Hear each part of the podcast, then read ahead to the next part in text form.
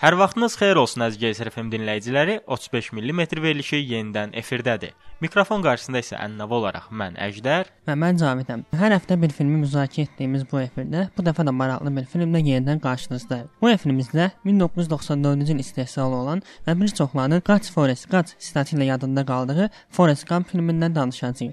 Filmin rejissoru isə Robert Zemeckis'tir. Və ənənəvi olaraq filmin rejissoru haqqında danışmağa keçməmişdən öncə isə Cavid təəssüf olsun ki, bir məqamı xüsusilə qeyd etməliyəm. Forrest Gump filmi bizim bu mövsüm müzakirə etdiyimiz sonuncu filmimizdir. Təəssüf olsun ki, əziz dinləyicilər, artıq ə, gələn həftədən etibarən təbii ki, Cavidin, xüsusilə də Cavidin analizlərindən ə, yararlana bilməyəcəyik və bu biraz üzücü məqamdır, amma buna görə narahat olmayın. Qısa bir fasilədən sonra 35 mm daha yenilənmiş versiyada sizin qarşınızda olacaq. Bizi bu vaxta qədər dinlədiyiniz üçün əziz dinləyicilər, sizin hər birinizə təşəkkür edirik. Mən də öz təşəkkürümü bildirirəm əziz dinləyicilərə ki, bu bu mövsüm ərzində hər həftə ə, bizə qulaq asdılar və 45 dəqiqə ərzində ə, onlara biz ə, öz bildiyimiz qədər film haqqında ə, maraqlı faktları və öz ə, müzakirələrimizlə onlara bir film haqqında bir ə, məlumat verməyə və bir film tövsiyəsi eləməyə çalışdıq. Qəmgin notlardan sonra isə Cavid istəyirsənsə artıq qayıdaq efrimizə və sonuncu olmasına baxmayaraq yenidən müzakirəsini çox yaxşı etməyə çalışdığımız Forrest Gump filminə.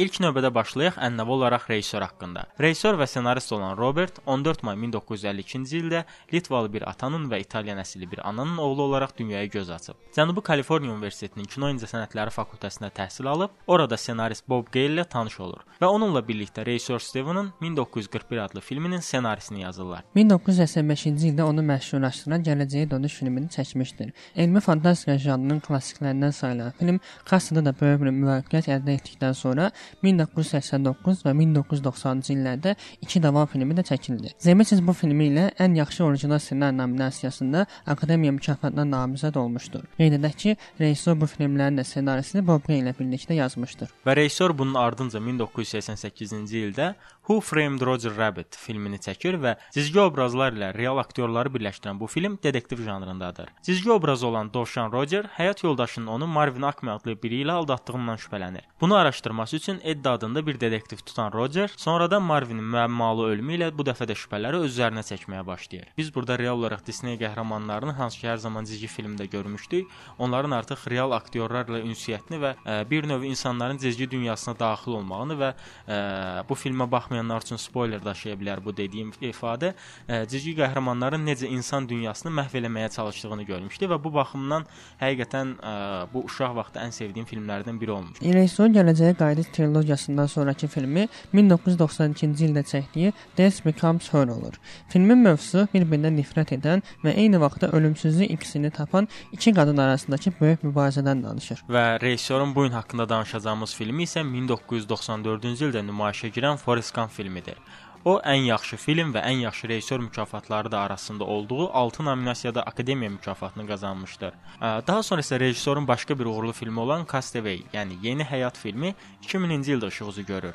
Hamının bildiyi Robinson Crusoe hekayəsinin müasir versiyası olan film Chuck Noland adlı birinin təyyarə qəzası nəticəsində bir adaya düşməsindən və sivilizasiyadan uzaq bir halda həyatda sağ qalmaq cəhdlərindən bəhs edir. 2004-cü ildə uşaq kitabından ekranlaşdırılan rejissorun hərəkət tutma üslubu ilə çəkdiyi ilk film olan Qutb Ekspressi nümayişə girdi. Zemeckis bu filmdə daha əvvəl Forrest Gump və Yeni Həyat filmlərində işlədiyi aktyor Tom Hanks ilə yenidən görüşdü. Bundan əlavə qeyd edim ki, Tom Hanks bu filmdə 6 ayrı obrazı canlandırır və onun səsləndirilməsini də etmişdir. Eyni zamanda e, filmin məyaq e, haqqında dediyim hərəkət tutma üslubu ilə də bir şey deyim ki, burada e, filmin animasiya və cizgi film tərzində olmasına baxmayaraq o, o burdakı qəhrəmanlar e, sıfırdan bir kompüter texnologiyası yox, oradakı e, bütün e, xüsusi bir geyimdə real aktyorlar o obrazlar canlandırıldı və e, sonradan e, kompüter texnikası həmin o e, aktyorların üzərinə xarici görünüşlər dəyişərək beləliklə bir cizgi e, animasiya qəhrəmanı da yaradılmış olur. Hə, müəllifin nümayiş olunan son filmi isə 2015-ci ildə çəkdiyi The Walk, yəni gəzinti filmidir. Bioqrafiya janrında olan film kəndirbaz ustası Philip Pettit-in həyatından bəhs eləyir. Və son xəbərlərə əsasən rejissor Robert hazırda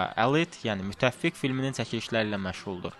Baş rollarında Brad Pitt və Marion Cotillard'ın olduğu filmin mövzusu isə bir-birinə aşiq olub evlənən iki kəşfiyyat işçisinin həyatından bəhs edir. Max illər sonra arvadının nasis kəşfiyyatçısı olduğunu öyrənir və xoşbəxtliklərindən kölgə düşür. Və filmdə cütlüyün bu vəziyyəti vəziyyətdə yaşadıklarının şahidi olacağıq. Bu film haqqında açığı elə burada oxuduğum qədər məlumatlıyam, amma mənim fikrimcə bu filmin Mr və Mrs Smith, hansı ki yenə Brad Pitt və Angelina Jolie-nun başrolda oynadığı, həmin orada da elə mövzu demək olar ki, iki kəşfiyyatçı həyat yoldaşından bəhs eləyirdi. Ə, maraqlıdır görəsən o janrdanmı, o üslubdanmı olacaq, yoxsa ondan biraz daha fərqli olacaq? Buna görə də o filmi gözləmək lazımdır məncə. Fikrimcə, hətta ə, internetdə gördüyüm biraz məlumatlara görə və çəkiliş meydançasında olan fotolara əsasən deyə bilərəm ki, bu film biraz ə, ağır formada olacaq. Çünki ə, məncə o indi oxuduğum qədərilə ortadakı ortada olan bir məsələ çox dramatik və ə, sərt bir mövzu var. Çünki illərdir güvəndiyin, yəni bir yerdə yaşayan, hətta ə, bir yerdə uşağınızın olduğu həyat yoldaşının ə, bir nasist ə, kəşfiyyatçı olduğunu öyrənməyin səni ə, bir ə, hərəkətlilikdən biraz durğunluğa salacaq deyə düşünürəm və yəni sən dediyin kimi elə bir ə, həmin o Mrs və Mr və Mrs Smith kimi ə, hərəkətli bir film gözləmirəm mən açıqcası. Daha çox drama janrında olacaq deyirsən? Bəli, bəli, müəyyən fikirləşdim. Ən yaxşısı elə bunu gözləyək, görək uşaqlığımızın sevimli rejissoru olan, ən azından adını o vaxtı bilməsək də çəkdiyi filmləri çox yaxşı bildiyimiz həmin bu rejissor artıq görəsən necə bir film yaradıbdı. İndi isə keçək filmin mövzusuna və filmin mövzusuna keçməmişdən öncə isə Cavid, sən bilirsən sən nə gözləyir? Ənənəvi olaraq sualım sənə belədir. Forrest Gump haqqında fikirlərin, filmdən nə götürdün? Sənə nə yaxın oldu və və film səndə necə təsir bağışladı? Açığı ə, səmimi deməliyəm ki, bu filmdən mən götürə biləcəyim heç bir şey yoxdur. Çünki ə, izlədiyimiz ə, Forrest Gump adlı qəhrəman çox ə, öyrənilmiş, yəni bildiyimiz çox ə, belə sıradan ə, həyat yaşayan bir insanlardan çox fərqli bir həyatı vardı və o, çox dolu-dolu, enerjili və çox başına gəlməyən demək olar ki, hadisələr qalmır və məncə belə bir e, obrazın həyatına işıq tutan bu filmdən mənim özümə götürə biləcəyim bir şey yoxdur. Sadəcə mənim e, vəzifəm e, həmin bu göstərilən bu obrazın e, Forrest Gump-ın həyatından bu e, keçidlərdə olan bu hissələrə baxmaq. Sadəcə mən ə, bu hissələrə baxa bilərəm və ə,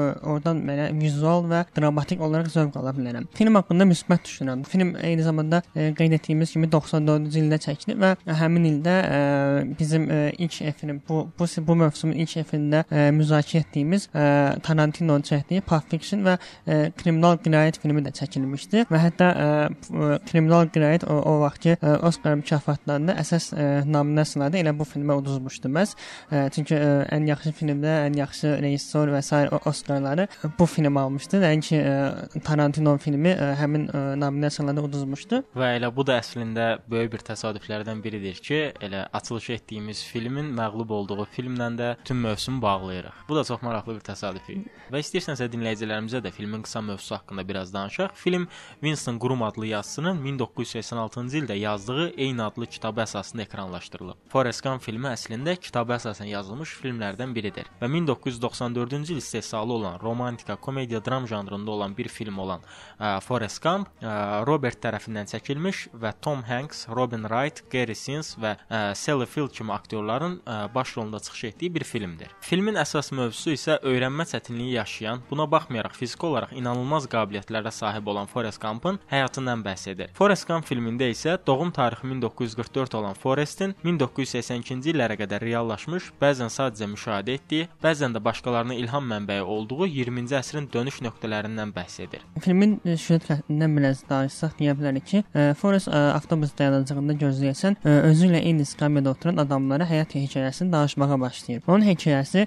hələ uşaq olanda donqar olan kürəyini düzəltmək üçün taxtığı və digər uşaqların zorakılıq etmələrinə səbəb olan ayaq aparatlarından danışması ilə başlayır. Anası Alabamada Greenbow bölgəsində evlənib pansionat olaraq işlədir və Forrest evlərində bir müddət qalan Elvis Presley-yə hip swinging rəqsini öyrədir. Məktəb həyatının ilk günündə avtobusda görər-görməz aşiq olduğu və gələcəkdə də ən yaxşı yoldaşı olacağı olan Jenny-yə rast gəlir. Özünə zorakılıq edənlərdən xilas olmağa çalışdığı gün ayağındakı aparatlar öz başına ayrılır və orta səviyyədəki zəkasına baxmayaraq yüksək sürətlə qaça bildiyini görür. Və demək olar ki, elə Forrestin də ə, həyatındakı ə, ən əsas və birinci dönüş nöqtəsi də həmin bu ə, epizod olur ki, artıq aparatlar ayağından ə, möcüzəvi bir şəkildə açılır və o artıq sürətlə qaçmağa başlayır. Və daha sonra isə filmdə mənim ən çox xoşuma gələn bir səhnə olur ki, artıq həmin hadisənin üzərindən 10 və yaxud da 15 ilə yaxın bir ə, müddət keçir və artıq biz ə, həmin balaca Jane və Forrestin daha da böyük və ə, bir növ gənclik dövrlərini görürük ki, yenə eyni yolda, ə, eyni formada danışa-danışa gedirlər. Və bu dəfə də Forresti xoşlanmayan həmin uşaqlar ə, artıq onlar da gənclər və ə, 15 ildən fərqli olaraq onlar da inkişaf ediblər və velosipedlə yox, bu dəfə artıq avtomobillə onun arxasından gedirlər ə, və ssenari eynidir, sadəcə olaraq yaşlar və texnologiya inkişaf etmişdir. Filmin bu hissəsi həqiqətən ə, çox xoşuma gəlmişdi və burada da yenə ənənəvi olaraq ə, Run Forest Run ifadəsindən sonra bir növ sənin dediyin kimi onun həyatında böyük bir dönüş olur və öz də istəmədən futbol meydançasına daxil olur ki, sonradan bu ona hətta özünün də bildirdiyi kimi mən hətta universitetdə oxumuşam deyəcək bir səviyyəyə gətirir ki, artıq o universitetə daxil olur. Ki filmin əvvəlindəki paradoksu da nəzərə alsaq, filmin əvvəlində ə, həmin məktəbin direktoru anasına bunun ə, uşağın cəmi 75 IQ-lu olduğunu, hətta şkala ilə göstərdikdə normal insanla aşağı aşağısının arasında qırmızı xətt olduğunu və uşağın orada olduğunu bildirir və heç ə, ümumiyyətlə oxumağın ə, ehtiyac olmadığını bildirir. Və sanki həyatın bir ironiyası imiş kimi artıq universitetə daxil olur və ə, bir növ özündə dediyi kimi universitet illəri necə bitir heç özündə xəbəri olmur. Universitetdən məzun olandan sonra hərbi geyimli biri e, Forestə yaxınlaşır və onun özünü gələcəkdə harda gördüyünü soruşaraq onun əlinə bir e, kağız verir və kağızın üstündə də e, əskərliyə çağırış, yəni əskərliyə könüllü yazılmaq kimi bir e, elan var idi və bundan sonra biz Forestin əskərlikdə olan əskərlikdə olan və orada orada olduğu müddətdə başına gələn macəralarını görürük. Burada da çox e, qeyri-adi bir artıq ilk günündən də qeyri-adi bir həyata başlayır. Hətta komandinin ona soruşanda ki, e, sənin burada işin nədir? O da ə, əslində o ə, heç kimin ondan gözləmədiyi, amma komandinin çox xoşuna bir ə, xoş çox xoşuna gələn bir cavabı deyərək mənim vəzifəm sizin ə, siz mənə nə desəz onu eləməyimdir deyərək bu ə, komandirin də özünün ə, fərqli tərzdə ifadə etdiyindən əlazından görə bilir ki, onun çox xoşuna gəlir və Forrest artıq ə, hərbidə də öz uğurlarını qazanmağa başlayır. Və əslində həmin bu səhnə ilə ə, mən açığı nəyi müşahidə elədim? Ümumi ə, hərbi sisteminin xüsusilə də həmin dövr Amerikasında, yəni Vyetnam ilə müharibədə olan Amerika dövründə ə, hərbidə olan ehtiyac sadəcə olaraq hər şeyə baş üstə denən və ə, nə tapşırılırsa onu elə. Və bir növ ideal əskər anlayışı sadəcə olaraq bundan ibarət idi. Ə, və bu baxımdan da əslində həmin dövr hərbisinin və həmin dövr Amerika ə, əskərlərinin ümumi vəziyyətinin də göstərilməsində kifayət qədər məncə rol oynamışdı ki, ə, sadəcə olaraq tapşırılanı gör və ə, ondan qırağa çıxma. Və bu baxımdan da elə ə, elə ilk səhnədə sənin dediyin kimi, bəs mənim səndən niyəsə artıq yaman xoşum gəlməyə başlamışdı. Çünki artıq əsl ideal əskər ə, prototipini ə, elə Forestin simasında görmək olurdu. Belə bu məqamda da ə, Forest haqqında bir məqamı, yəni öz müşahidə etdiyim bir məqamı bildirmək istəyirəm ki, ə, filmdə film boyunca ümumiyyətlə Forest mənə ə, öz məqsədləri üçün yaşayan bir adam kimi heç zaman gözümə dəymədi. Mənə görə onun yalnızca bir məqsədi var idi ki, o da Jane ilə bir yerdə olmaqdır. Ondan qalan digər bir vəziyyətlərdə isə ki, bunu artıq biz növbəti səhnələrdə də görürük ki, universitetə daxil olma mərhələsindən tutmuş, hansı ki, artıq universitetə daxil olanda belə ə, sadəcə olaraq onun yüksək sürətlə qaçdığı və futbolu yaxşı oynadığı üçün seçilmişdi. Onun ardınca artıq həmin hərbi formalı adamın uzatdığı vərəqədə bunu görülməyi istənilmişdi və onun ardınca hərbiyə yazılmışdı. Hərbidə tanış olduğu və sonradan ən yaxın dostu olacaq Bubanın ə, birbaşa olaraq dəniz və gəmi ilə məşğul olmaq arzusunu da hərbin ardınca o yerinə yetirmişdi. Stolüstü tennis oynamağa başlamışdı hansı ki bu da onun bir növ seçimi deyildi. Sadəcə olaraq başına ə, həmin ə, tennisin topu dəydikdən sonra artıq elə bir şeyin mövcudluğunun fərqinə varmışdı. Hətta ə, ata olmaq belə onun arzusu deyildi. Yəni onun xüsusi bir məqsədləri içərisində deyildi. Ümumiyyətlə isə ə, mənə görə Forestin ən yaxşı prototipinin çəkildiyi an onun 3 ildən çox davam edən qaçış periodu zamanında yaşadığı hisslər idi ki, heç bir məqsəd olmadan sadəcə olaraq qaçırdı və ə, ətrafda insanların heç bir məqsədi olmadan qaçdığına inanmadıqlarına da ə, sadəcə olaraq maraqla qarşılayırdı ki, nəyə görə heç kəs məqsədsiz nəyisə ola biləcəyinə inanmır. Yəni hamısı onun yanında olan jurnalistlər, bütün insanlar onun elədiyinə bir ad qoş ad qoymağa başlayırlar. Yəni insan hüquqları üçün mü qaçırsınız, qadınlar üçün mü qaçırsınız, kimsəsiz uşaqlar üçün mü qaçırsınız? Yəni hamısı başlayır da onun elədiyinə bir ad verməyə və məncə bu da e, Forestin For, e, Forestin məqsədi olmayan məqsədini belə kölgələməyə çalışırdı. Çünki adam e, özünün də dəfələrlə dediyi kimi mən heç bir məqsədim yoxdur və sadəcə həmin anda qaçmaq istədim və 3 ildə 3 ildən çoxdur müddətdə qaçdı. Və axırda da sonluqda da ə, çox sakit formada dedi ki, mən çox yorulmuşam və indi evə qayıtmaq istəyirəm. Yəni bu ə, formada, yəni heç sən dediyin kimi heç kim onun yəni adicə bir qaçmaq olan arzusunu heç bir heç kim onu qəbuluna bilmirdi və axırda həmin o özünü evə qayıtdığı hissədə onun arxasında olan adamlar belə çaşbaş qalmışdılar ki, bəs indi biz nə edəcəyik deyə ə, sual verməyə başladılar. Amma film boyunca onun sadəcə olaraq bir məqsədinin olduğunu, yəni Jane ilə bir yerdə olmaq istədiyini və onu sevdiyini ə, göstərən bir səhnə olur ki, özü də öz dili ilə etiraf eləyir ki, mən axmaq ola bilərəm, amma sevginin nə olduğunu bilirəm və mən səni çox istəyirəm. Hansı ki bu sözü Jane ona demişdi ki, sən sevginin nə olduğunu bilmirsən, amma sonradan üstündən uzun müddət keçəndən sonra Forrest ona verənsinə bir cavabını vermişdi və ə, e, kifayət qədər də uğurlu cavabı idi. Amma heç bir məqsədi olmağına baxmayaraq, onun qabağına qoyulan bütün məqsədləri kifayət qədər uğurla yerinə yetirdiyini və özünün də bir növ ironik dillə də desək, yəni zarafatyana da olaraq desək, ə, yenidən və yenidən Ağıvə çağırdılar, yenidən dəvət mərasimi oldu, yenidən ə, görüşdülər bizlə və bütün bunların hər birində də hər dəfə müxtəlif ə, əvvəlcə futbol klubu, daha sonra tennis, daha sonra ə, bir növ gördüyü işlərlə bağlı və müxtəlif ə, səbəblərdən dolayı dolayı dəfələrlə Ağ Evdə müxtəlif prezidentlərin ziyarətində olmuşdu və bu da əslində hər hansı bir xüsusi məqsədə sahib olmasa da, əlində olan bütün işləri kifayət qədər yaxşı gördüyünü göstərir. Bilmirəm filmi izləyəndə sən fikrini niyə yox xərclər, amma mənə görə Forrestin ə, həyatına daxil oldu. Əslində Forrestin kimin həyatına daxil olursa, onun həyatında bir bədbəxtçilik baş verdiyini görürük. Bunu bəlkə də birinci özü ilə əlaqələndirmək olar ki, özü də ə, bir ə, fiziki məhdudiyyətli olaraq ə, uşaqlığını keçirmişdi. Sonradan fiziki məhdudiyyəti aradan qalxsa da, yenə də yəni intellektual qabiliyyəti hələ də tam ə, e, formalaşmamışdı və ondan sonra həyat ə, e, uğur qazandıqca görüşdüyü ə, e, böyük adamlar, siyasi, əsasən də siyasi adamlar, hamısı da ə, sui-qəsdə qurban gedən adamlar olmuşdu. Amma ə, sənlə bu mövzuda mən ə, tam razı deyiləm, çünki ə, həyat axışı sadəcə olaraq mənfi üzərində getmir ondan tanış olanların. Biz burada ən sadə bir növ bu artıq gülücü işarəsi deyilir. Ə, sadəcə olaraq qaçış zamanı gülücü işarəsinin kəşf olunması, eyni zamanda ə, gəmisi vasitəsilə çoxlu pul qazandıqdan sonra həmin dövrdə sadəcə olaraq startap kimi fəaliyyət göstərən Apple şirkətinə böyük pul yatırım edilir. Ə, ətrafında olan hər bir kəs varlanır və ə, bir növ müxtəlif ideyalar verir sadəcə olaraq o həmin 3 il qaçış periodunda və ə, bu məqamda isə çox düzgün ə, bildirdin ki, elə filmin əsas ə, süjeti də 1944-82-ci illərdə baş vermiş hadisələrdən bəhs eləyirdi və biz bu periodda ə, Kennedy-nin ölümü səhnəsini də görmüşdük, hansı ki, həmin ölüm səhnəsində, ə, ölüm səhnəsindən öncəki səhnədə mənim diqqətimi daha çox nə çəkmişdi? Tom Hanks-in, yəni Forrest Gump-ın əl üzünü yuduğu yerdə ə, həmin yerdə iki şəkil mövcud idi. Bir Marilyn Monroe, ə, digər ikinci şəkildə isə Kennedy qardaşlarının üzbəüz olması və ə, filmin ardınca da, yəni həmin səhnənin ardınca da hər üçü də ölmüşdü. Əvvəlcə Marilyn Monroe, onun ardınca Kennedy, daha sonra isə balaca qardaşı Kennedy və büt, ə, daha sonra isə hərbidən qayıtdıqdan sonra isə John Lennonla olan televiziya çıxışı zamanı ə, hansı ki birbaşa olaraq ə, John Lennon orada ə, bir növ özünün imagini, yəni təsəvvür etməsi haqqında danışan zaman, ə, yəni hər bir şeyi təsəvvür etmək mümkünlüyünü deyirdi ki, ə, özü də oradan bildirmiş ki, bunun ardınca isə artıq sən demiş o belə öldürüldü.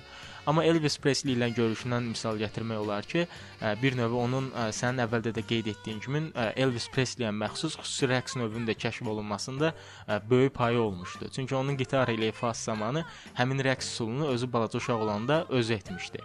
Ya burada demək olar ki, artıq Elvis-in, Elvis Presley-in həyatındakı o ə, əsas ə, əsas rolu oynayan Forrest-in özü olmuşdu. Və filmə əsasən ə, ümumiyyətlə Forrest ə, demək olar ki, bütün tarixi hadisələrin ə, axışında mühüm rol oynayan insanlardan biri idi. Və filmin açılış səhnəsi ilə bağlı xüsusi bir şey bildirmək istəyirəm ki, filmin açılış səhnəsində ən çox bəyəndiyim məqam ə, artıq yanında olan ilk növbədə ə, qaradərli xanımla da ə, söhbətə başlayan zaman ə, özünü təqdim edən zaman atalarının, yəni Forrest sözünün Kuku klanı yaradan ilk adam olduğunu bildirir ki, Kuku klanı isə məlumat olmayanlar üçün bildirək ki, həmin dövr Amerikasında, yəni bu orta hesabla 1800-cü illərin sonu 1900-cü illərdə qaradərliləri öldürən xüsusi bir klan var idi ki, hansı ki birbaşa olaraq onların öldürülməsi ilə məşğul idi və qaradərli xanımla söhbət zamanı əslində də əsli kökünün ora getdiyini və adının belə oradan götürüldüyünü xüsusilə bildirmişdi və ə, mənə gö mənim də müşahidəmə görə bu çox ironik və bir növ paradoksal vəziyyət idi.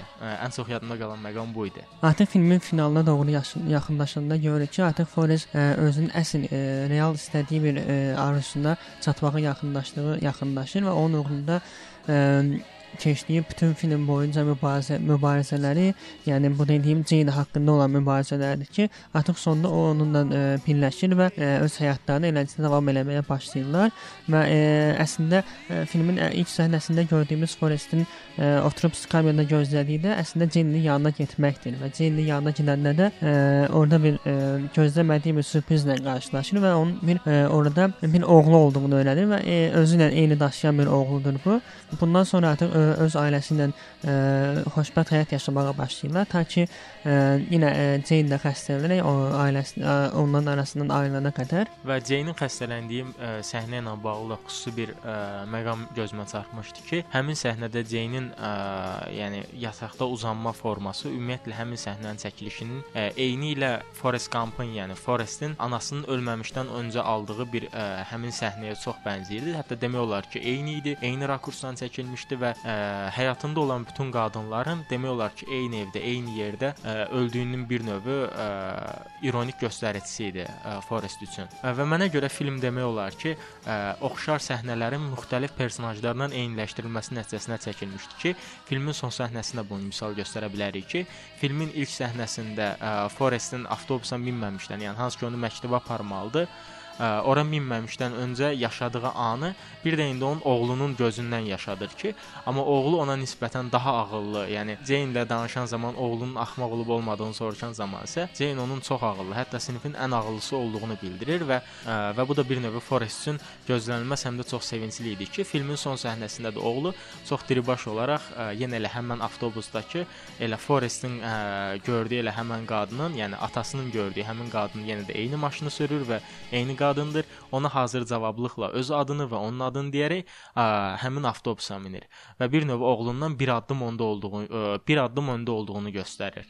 Film elə həmin bu hissədə bitir və orada ə, filmin ilk səhnəsində də gördüyümüz, açılış səhnəsində gördüyümüz quş tükünün havada ə, süzülməsi ilə sonlanır ə, və ə, qeyd edim ki, bu quş tükü, quş tükü ilə bağlı bir neçə maraqlı məqam vardı ki, bunu da ə, musiqi fasiləsindən sonra ə, filmin filmin haqqında danışacağımız faktlar bölməsində detallı qeyd edəcəyik. Ə, və elə Cavid sən demişkən, ə, bu və digər maraqlı faktlarla bağlı isə sadəcə olaraq qısa bir musiqi fasiləsinin ardınca isə əziz dinləyicilərimiz danışmağa davam edəcək edəcəyik. Bizimlə olun, bizimlə qalın. Filmin çox maraqlı faktları var.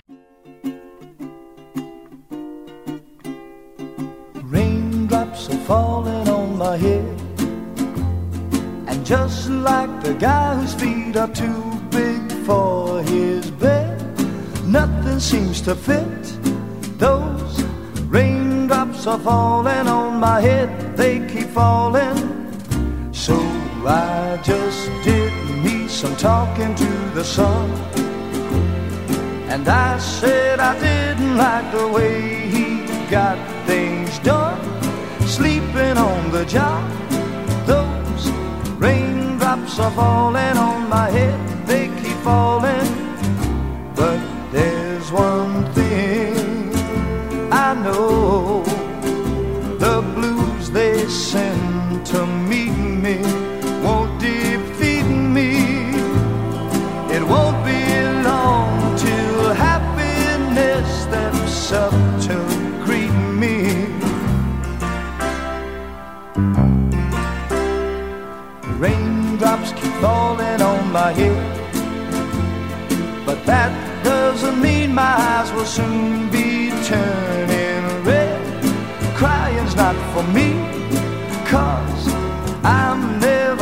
Gonna stop the rain by complaining because I'm free.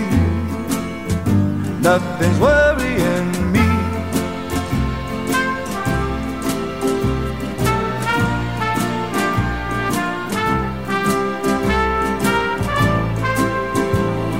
It won't be long till happiness steps up to greet me.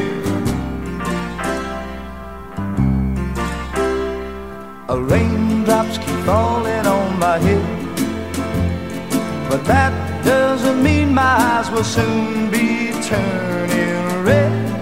Crying's not for me, cause I'm never gonna stop the rain by complaining. Because I'm free, nothing's worrying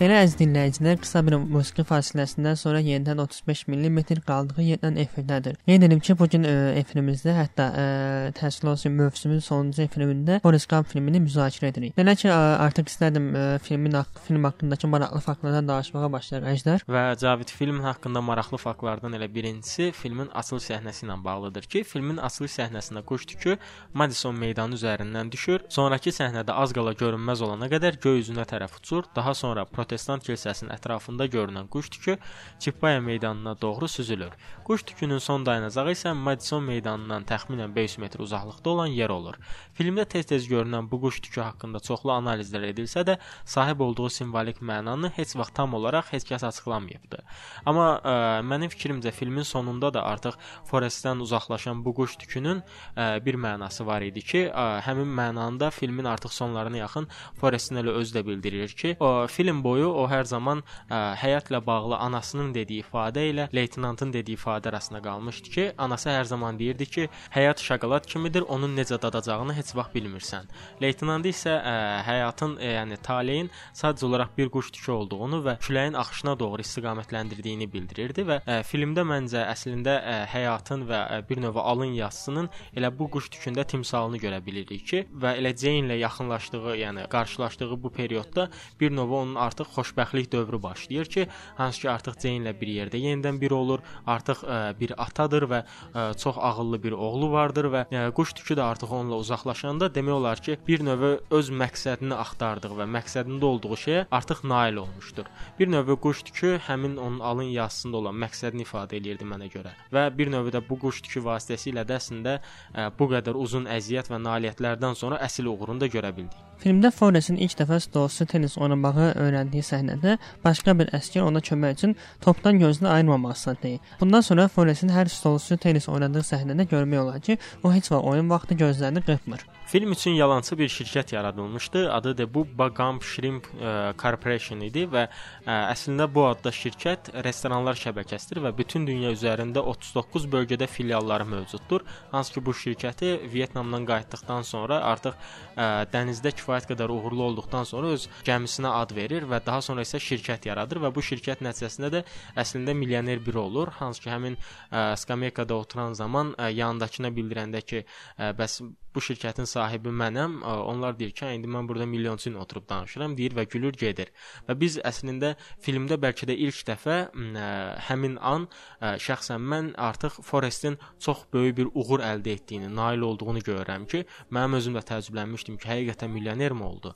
Çünki bir növ onun fiziki qüsur, ə, bir növ onun əqli qüsurlu olmağının, ə, bir növ axmaq olmağının bu qədər böyük uğur əldə edəcəyinin qabağını alacağını düşünürdüm, amma filmdə həmin kişinin təəccüb təəccübü ilə paralel elə mənim özüm də təəccüb oldu ki, həqiqətənmi milyoner oldu və sonradan bir-bir həmin leytenantla birlikdə şəkillərini Forbes jurnalında çıxan fotoları filan göstərdikdən sonra həqiqətən də ə, o dəniz məsələsinin kifayət qədər uğurlu olduğunu görmək olur. Efin əvvəlində qeyd etmişdi ki, Forrest Gump filmi eyni adlı bir kitab əsasında ekranlaşdırılmışdır. İndi e, istəyəndə bu haqqda biraz e, danışım. Kitabın müəllifi Winston Groom Forrest Gump kitabını 1986-cı ildə ilk dəfə yayımlayanda kitab 30 min nüsxə ilə çıxmışdı. Kitabın filmi ekranlaşdırılmışdı yekunlaşdırılmasından sonra kitab daha da məşhurlaşır və 1995-ci ildən sonra kitabın satışları 1.6 milyona qədər qalxmışdır. Bundan başqa yazısı 1995-ci ildə Qurum Gump and Co adlı ikinci kitabını yazır. Bu kitabın ilk səhifəsində ə, Forrest Gump oxucularına müraciət edərək deyir ki, heç kimə sizin həyat hekayənizi film çəkməyə icazə verməyin.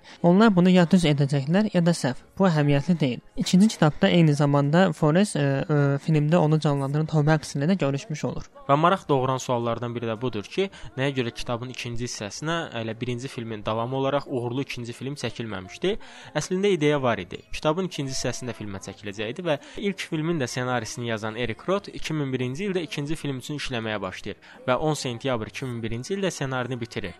Hamının da bildiyi kimi ondan sonrakı gün, yəni 11 sentyabrda Amerika və dünya üçün dəhşətli bir ə, hadisə baş verir ki, və bu hadisədən sonra da rejissor Robert, ə, aktyor Tom Hanks və ssenarist Eric Roth bir araya gələrək ikinci filmin aqibəti haqqında müzakirələr aparırlar və qəbul etdikləri ortaq qərara əsasən 11 sentyabrdan sonra Forrest Gump-ın növbəti filminin yersi olacağını düşünürlər. Heç sən bu ə, yəni baş tutmayan ikinci film haqqında nə fikirləşirsən? Yəni çəkilsəydi necə olardı səncə? Mənim fikrimcə ikinci filmin çəkilməmə səbəbinin elə adından da görsəndiyi kimi, yəni 2001-ci il 11 sentyabrla birbaşa olaraq bağlıdır ki, bu çox böyük faciələrdən biri hesab olunur və ondan sonra hansı tipdə hekayə qurulacağı və bunun necə işıqlandırılacağı yəqin sual altında qalıb.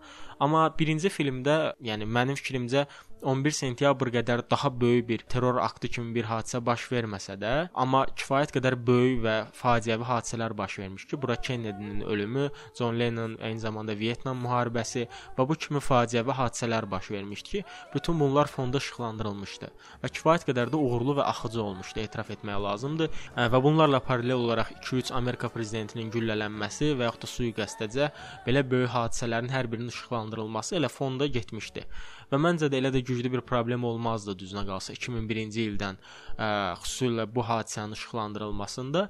Ə, amma yenə də ə, hər halda bu mövzuda yəqin ki bizdən daha yaxşı bilərlər ki, bu barədə qərar verməyiblər. Amma nə zamansa Forest Gump-ın ikinci hissəsi çəkilsə, həqiqətən çox maraqlı olar. Amma mənim fikrimcə ən azından indi yox da bir 15-20 il sonra çəkilməyi daha yaxşı olar. Çünki ən azından 82-ci ildən artıq 2016-cı ilə qədər olan period cəmi 20 illik, 30 illik bir perioddur və burada o qədər də çox güclü belə ə, ən azından Amerika həyatını əhatə eləyəcək ə, çox dəhşətli böyük hadisələr baş verməmişdir.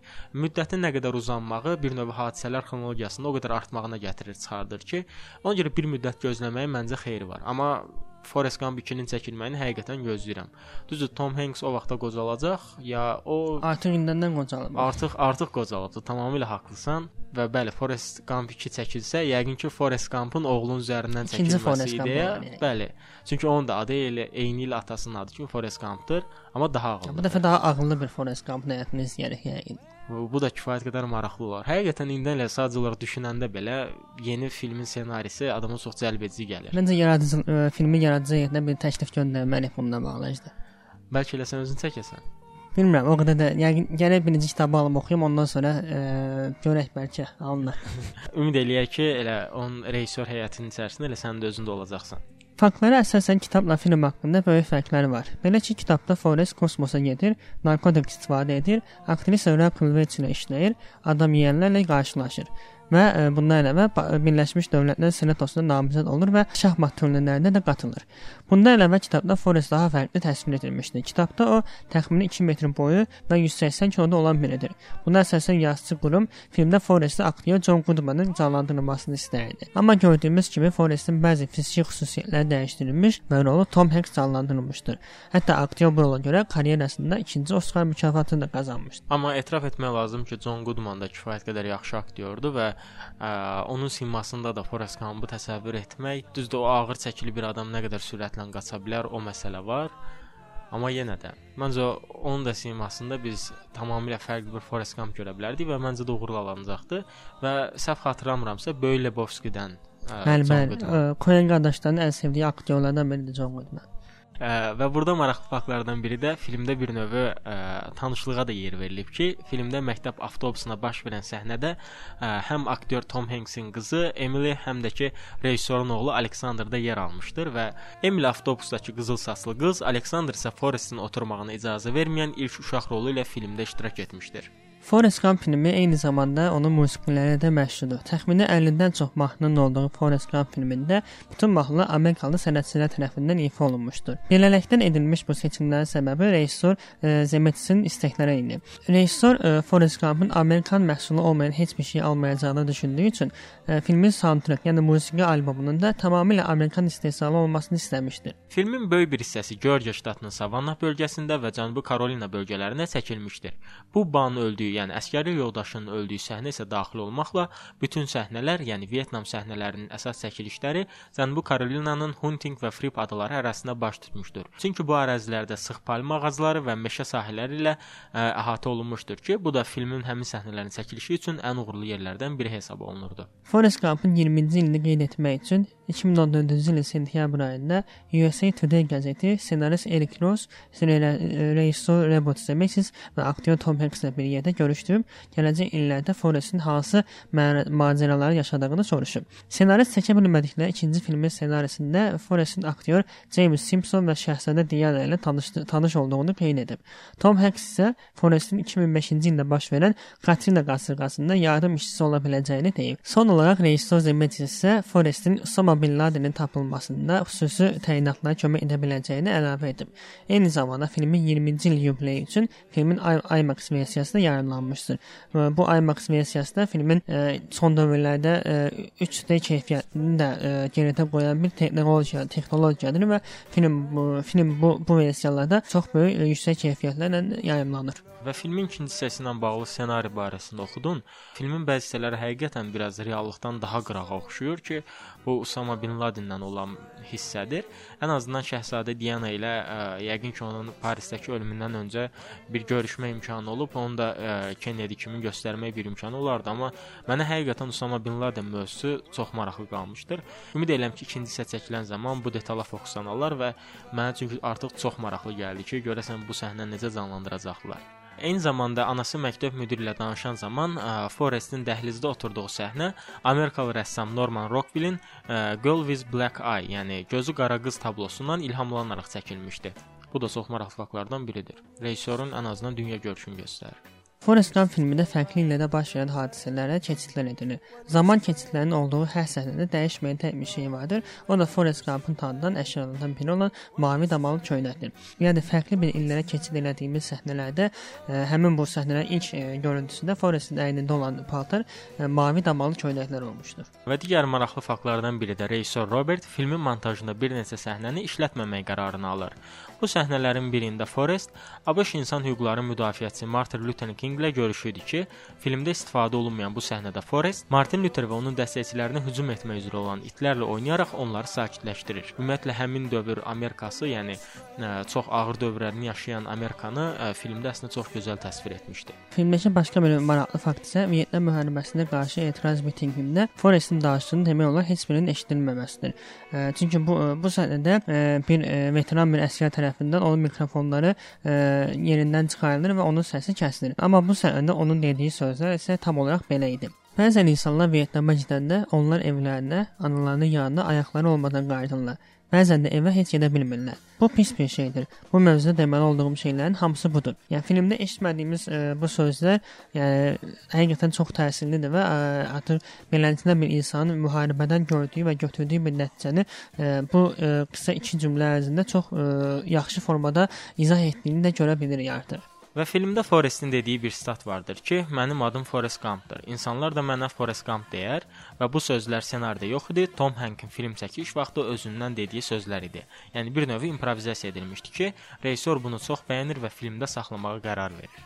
Filmin ən maraqlı hissələrindən biri də ki, Forrestin dayanmadan 3 il ərzində qaçmaq qaçmağı səhnəsi idi ki, bununla da maraqlı, bununla da bağlı maraqlı bir fakt vardır. Həmin bu ə, Forrestin dayanmadan qaçdığı səhnələrdə həmin bu səhnələrin çəkilişləri üçün bəzən onun kiçik qardaşı olan Jim Hanks onu əvəz etmişdir. Və filmdə görsəndiyi qədər həmin bu 3 ildən çox davam edən qaçış səhnəsi heç də məqsədsiz deyildir. Ümumiyyətlə bu qaçış səhnəsinin əsas hissəsi isə real hadisədən ilhamlanmışdır ki, 1982-ci ildə 16 yaşlı Michael Figura New Jersey-dən San Fransiskoya qədər Amerika xərçəng cəmiyyəti üçün qaçmışdır və özü də xərçəng olduğundan həmin dövrdə bir növ xərçəng xəstələrinə dəstək aksiyası kimi də mühüm rol oynamışdı bu hadisə. Filmdə Leytenant Dan Taylor obrazının partlamada itirdiyi ayaqları effektli düzəltmək üçün aktyor Gary Sinisin ayaqları mavi parça ilə örtülür və sonradan kompüter texnikası ilə silinir. Onu da qeyd edib ki, Tom Hanks və Gary Sinis əlavə iki filmdə də bir yerdə rol almışdılar. Bu filmlər 1995-ci ildə istehsalı olan Apollo 13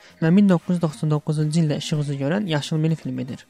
Digər bir maraqlı fakt isə Forrest Gump rolu ilə bağlıdır ki, bu rol üçün əvvəlcə aktyor Bill Murray, John Travolta, Chevy Chase və digərlərinə təklif olunsa da, onların heç bir rolu qəbul etmirlər.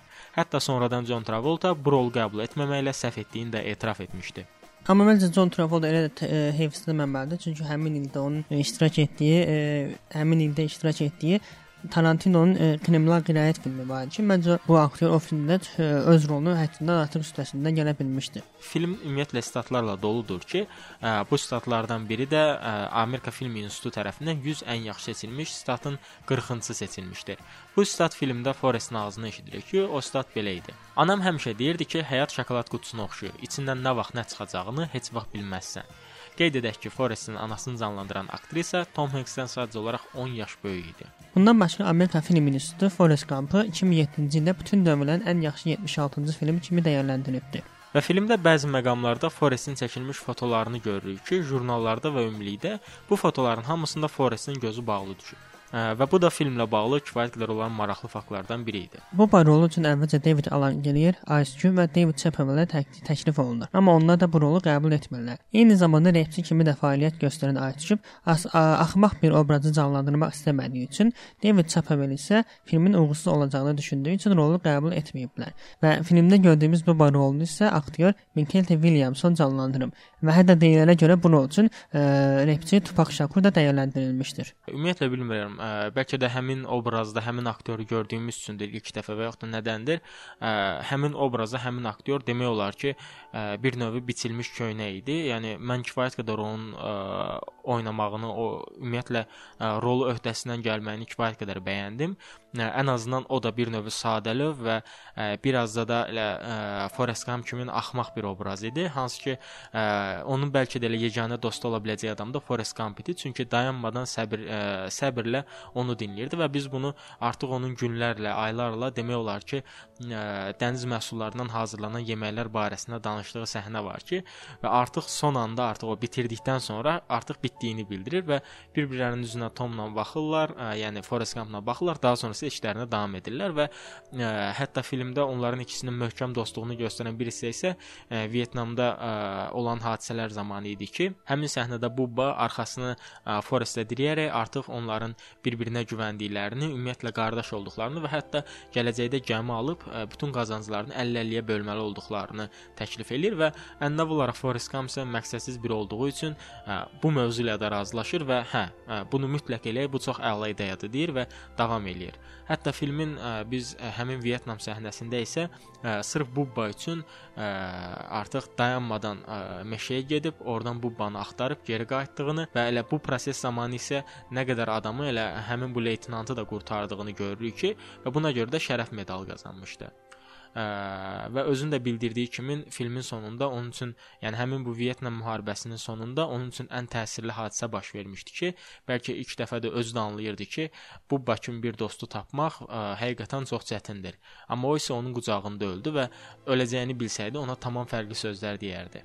Bu baxımdan da əslində ə, həmin ə, Forrest Gump-ın o qədər də axmaq olmadığını və ətrafında nələr baş verdiyini çox gec də olsa başa düşən biri olduğunu rahatlıqla görmək olur. Forrestin filmdə ə, e, sən indi qeyd etdiyin kimi şərəf medalı mərasimi üçün Sammy Davis verilən həqiqi mərasimin çəkilişlərindən istifadə edilmişdir. Sammy Davis 1968-ci ilin 19 noyabrında prezident Lyndon Johnson tərəfindən Vyetnamdakı şücaətlərinə görə şərəf medalı ilə mükafatlandırılıb. Filmdəki bu səhnə üçün sadəcə kompüter effektləri ilə Tom Hanks-in başı Davisin bədəninə uyğunlaşdırılıb. Və elə bu kompüter effektlərindən danışmışkən filmdə elə ə, demək olar ki, bunu ə, çoxlu hissələrdə xüsusilə görmək olur ki, adicə prezidentlərin görüşü, Kennedy ilə görüş, John Lennon olan ə, TV söhbət və ə, həmin ə, qaradərlilərin universitetə daxil olmaq səhnəsi filan bütün bunlarda televizorda ə, Forrest Gump görsənir və bütün bunların hamısı da xüsusi effektlərlə yerləşdirilmişdir. Forrest Gump filmində istifadə olunan ev sonra da 2000-ci il istehsalı olan The Patriot filmində də dizaynında bəzi dəyişikliklər edilərək istifadə olunmuşdur. Belə dinləyicilər, bu həftəki efirimizin də sonuna gəlib çatdıq. Ümumiyyətlə yalnızca bu həftə deyil, bu mövsümlük efirimizin sonuna gəlib çatdıq. Təəssüf olsun ki, gələn həftədən etibarən ə, bizi qısa bir müddətlik, yəni ə, fasilə müddətində ə, eşidə bilməyəcəksiniz. Amma təəssüflənməyin əziz dinləyicilər, yeni mövsümdən yenilənmiş 35 mm ilə sizin qarşınızda olacaq. Və bu mövsüm sonuncu haqqında danışdığımız film isə həyat hekayəsi ilə bir çoxların rəğbətini qazanan Forrest Gump filmi oldu. Sizinlə isə mikrofon qarşısında mən Cavid və mən Əjdər idim. Və burdan hər birinizə təşəkkür edirəm əziz dinləyicilərimiz bir mövsüm boyunca bizi dinlədiyiniz üçün. Sağ olun, salamat qalın. Yeni mövsümdə görüşmək ümidi ilə.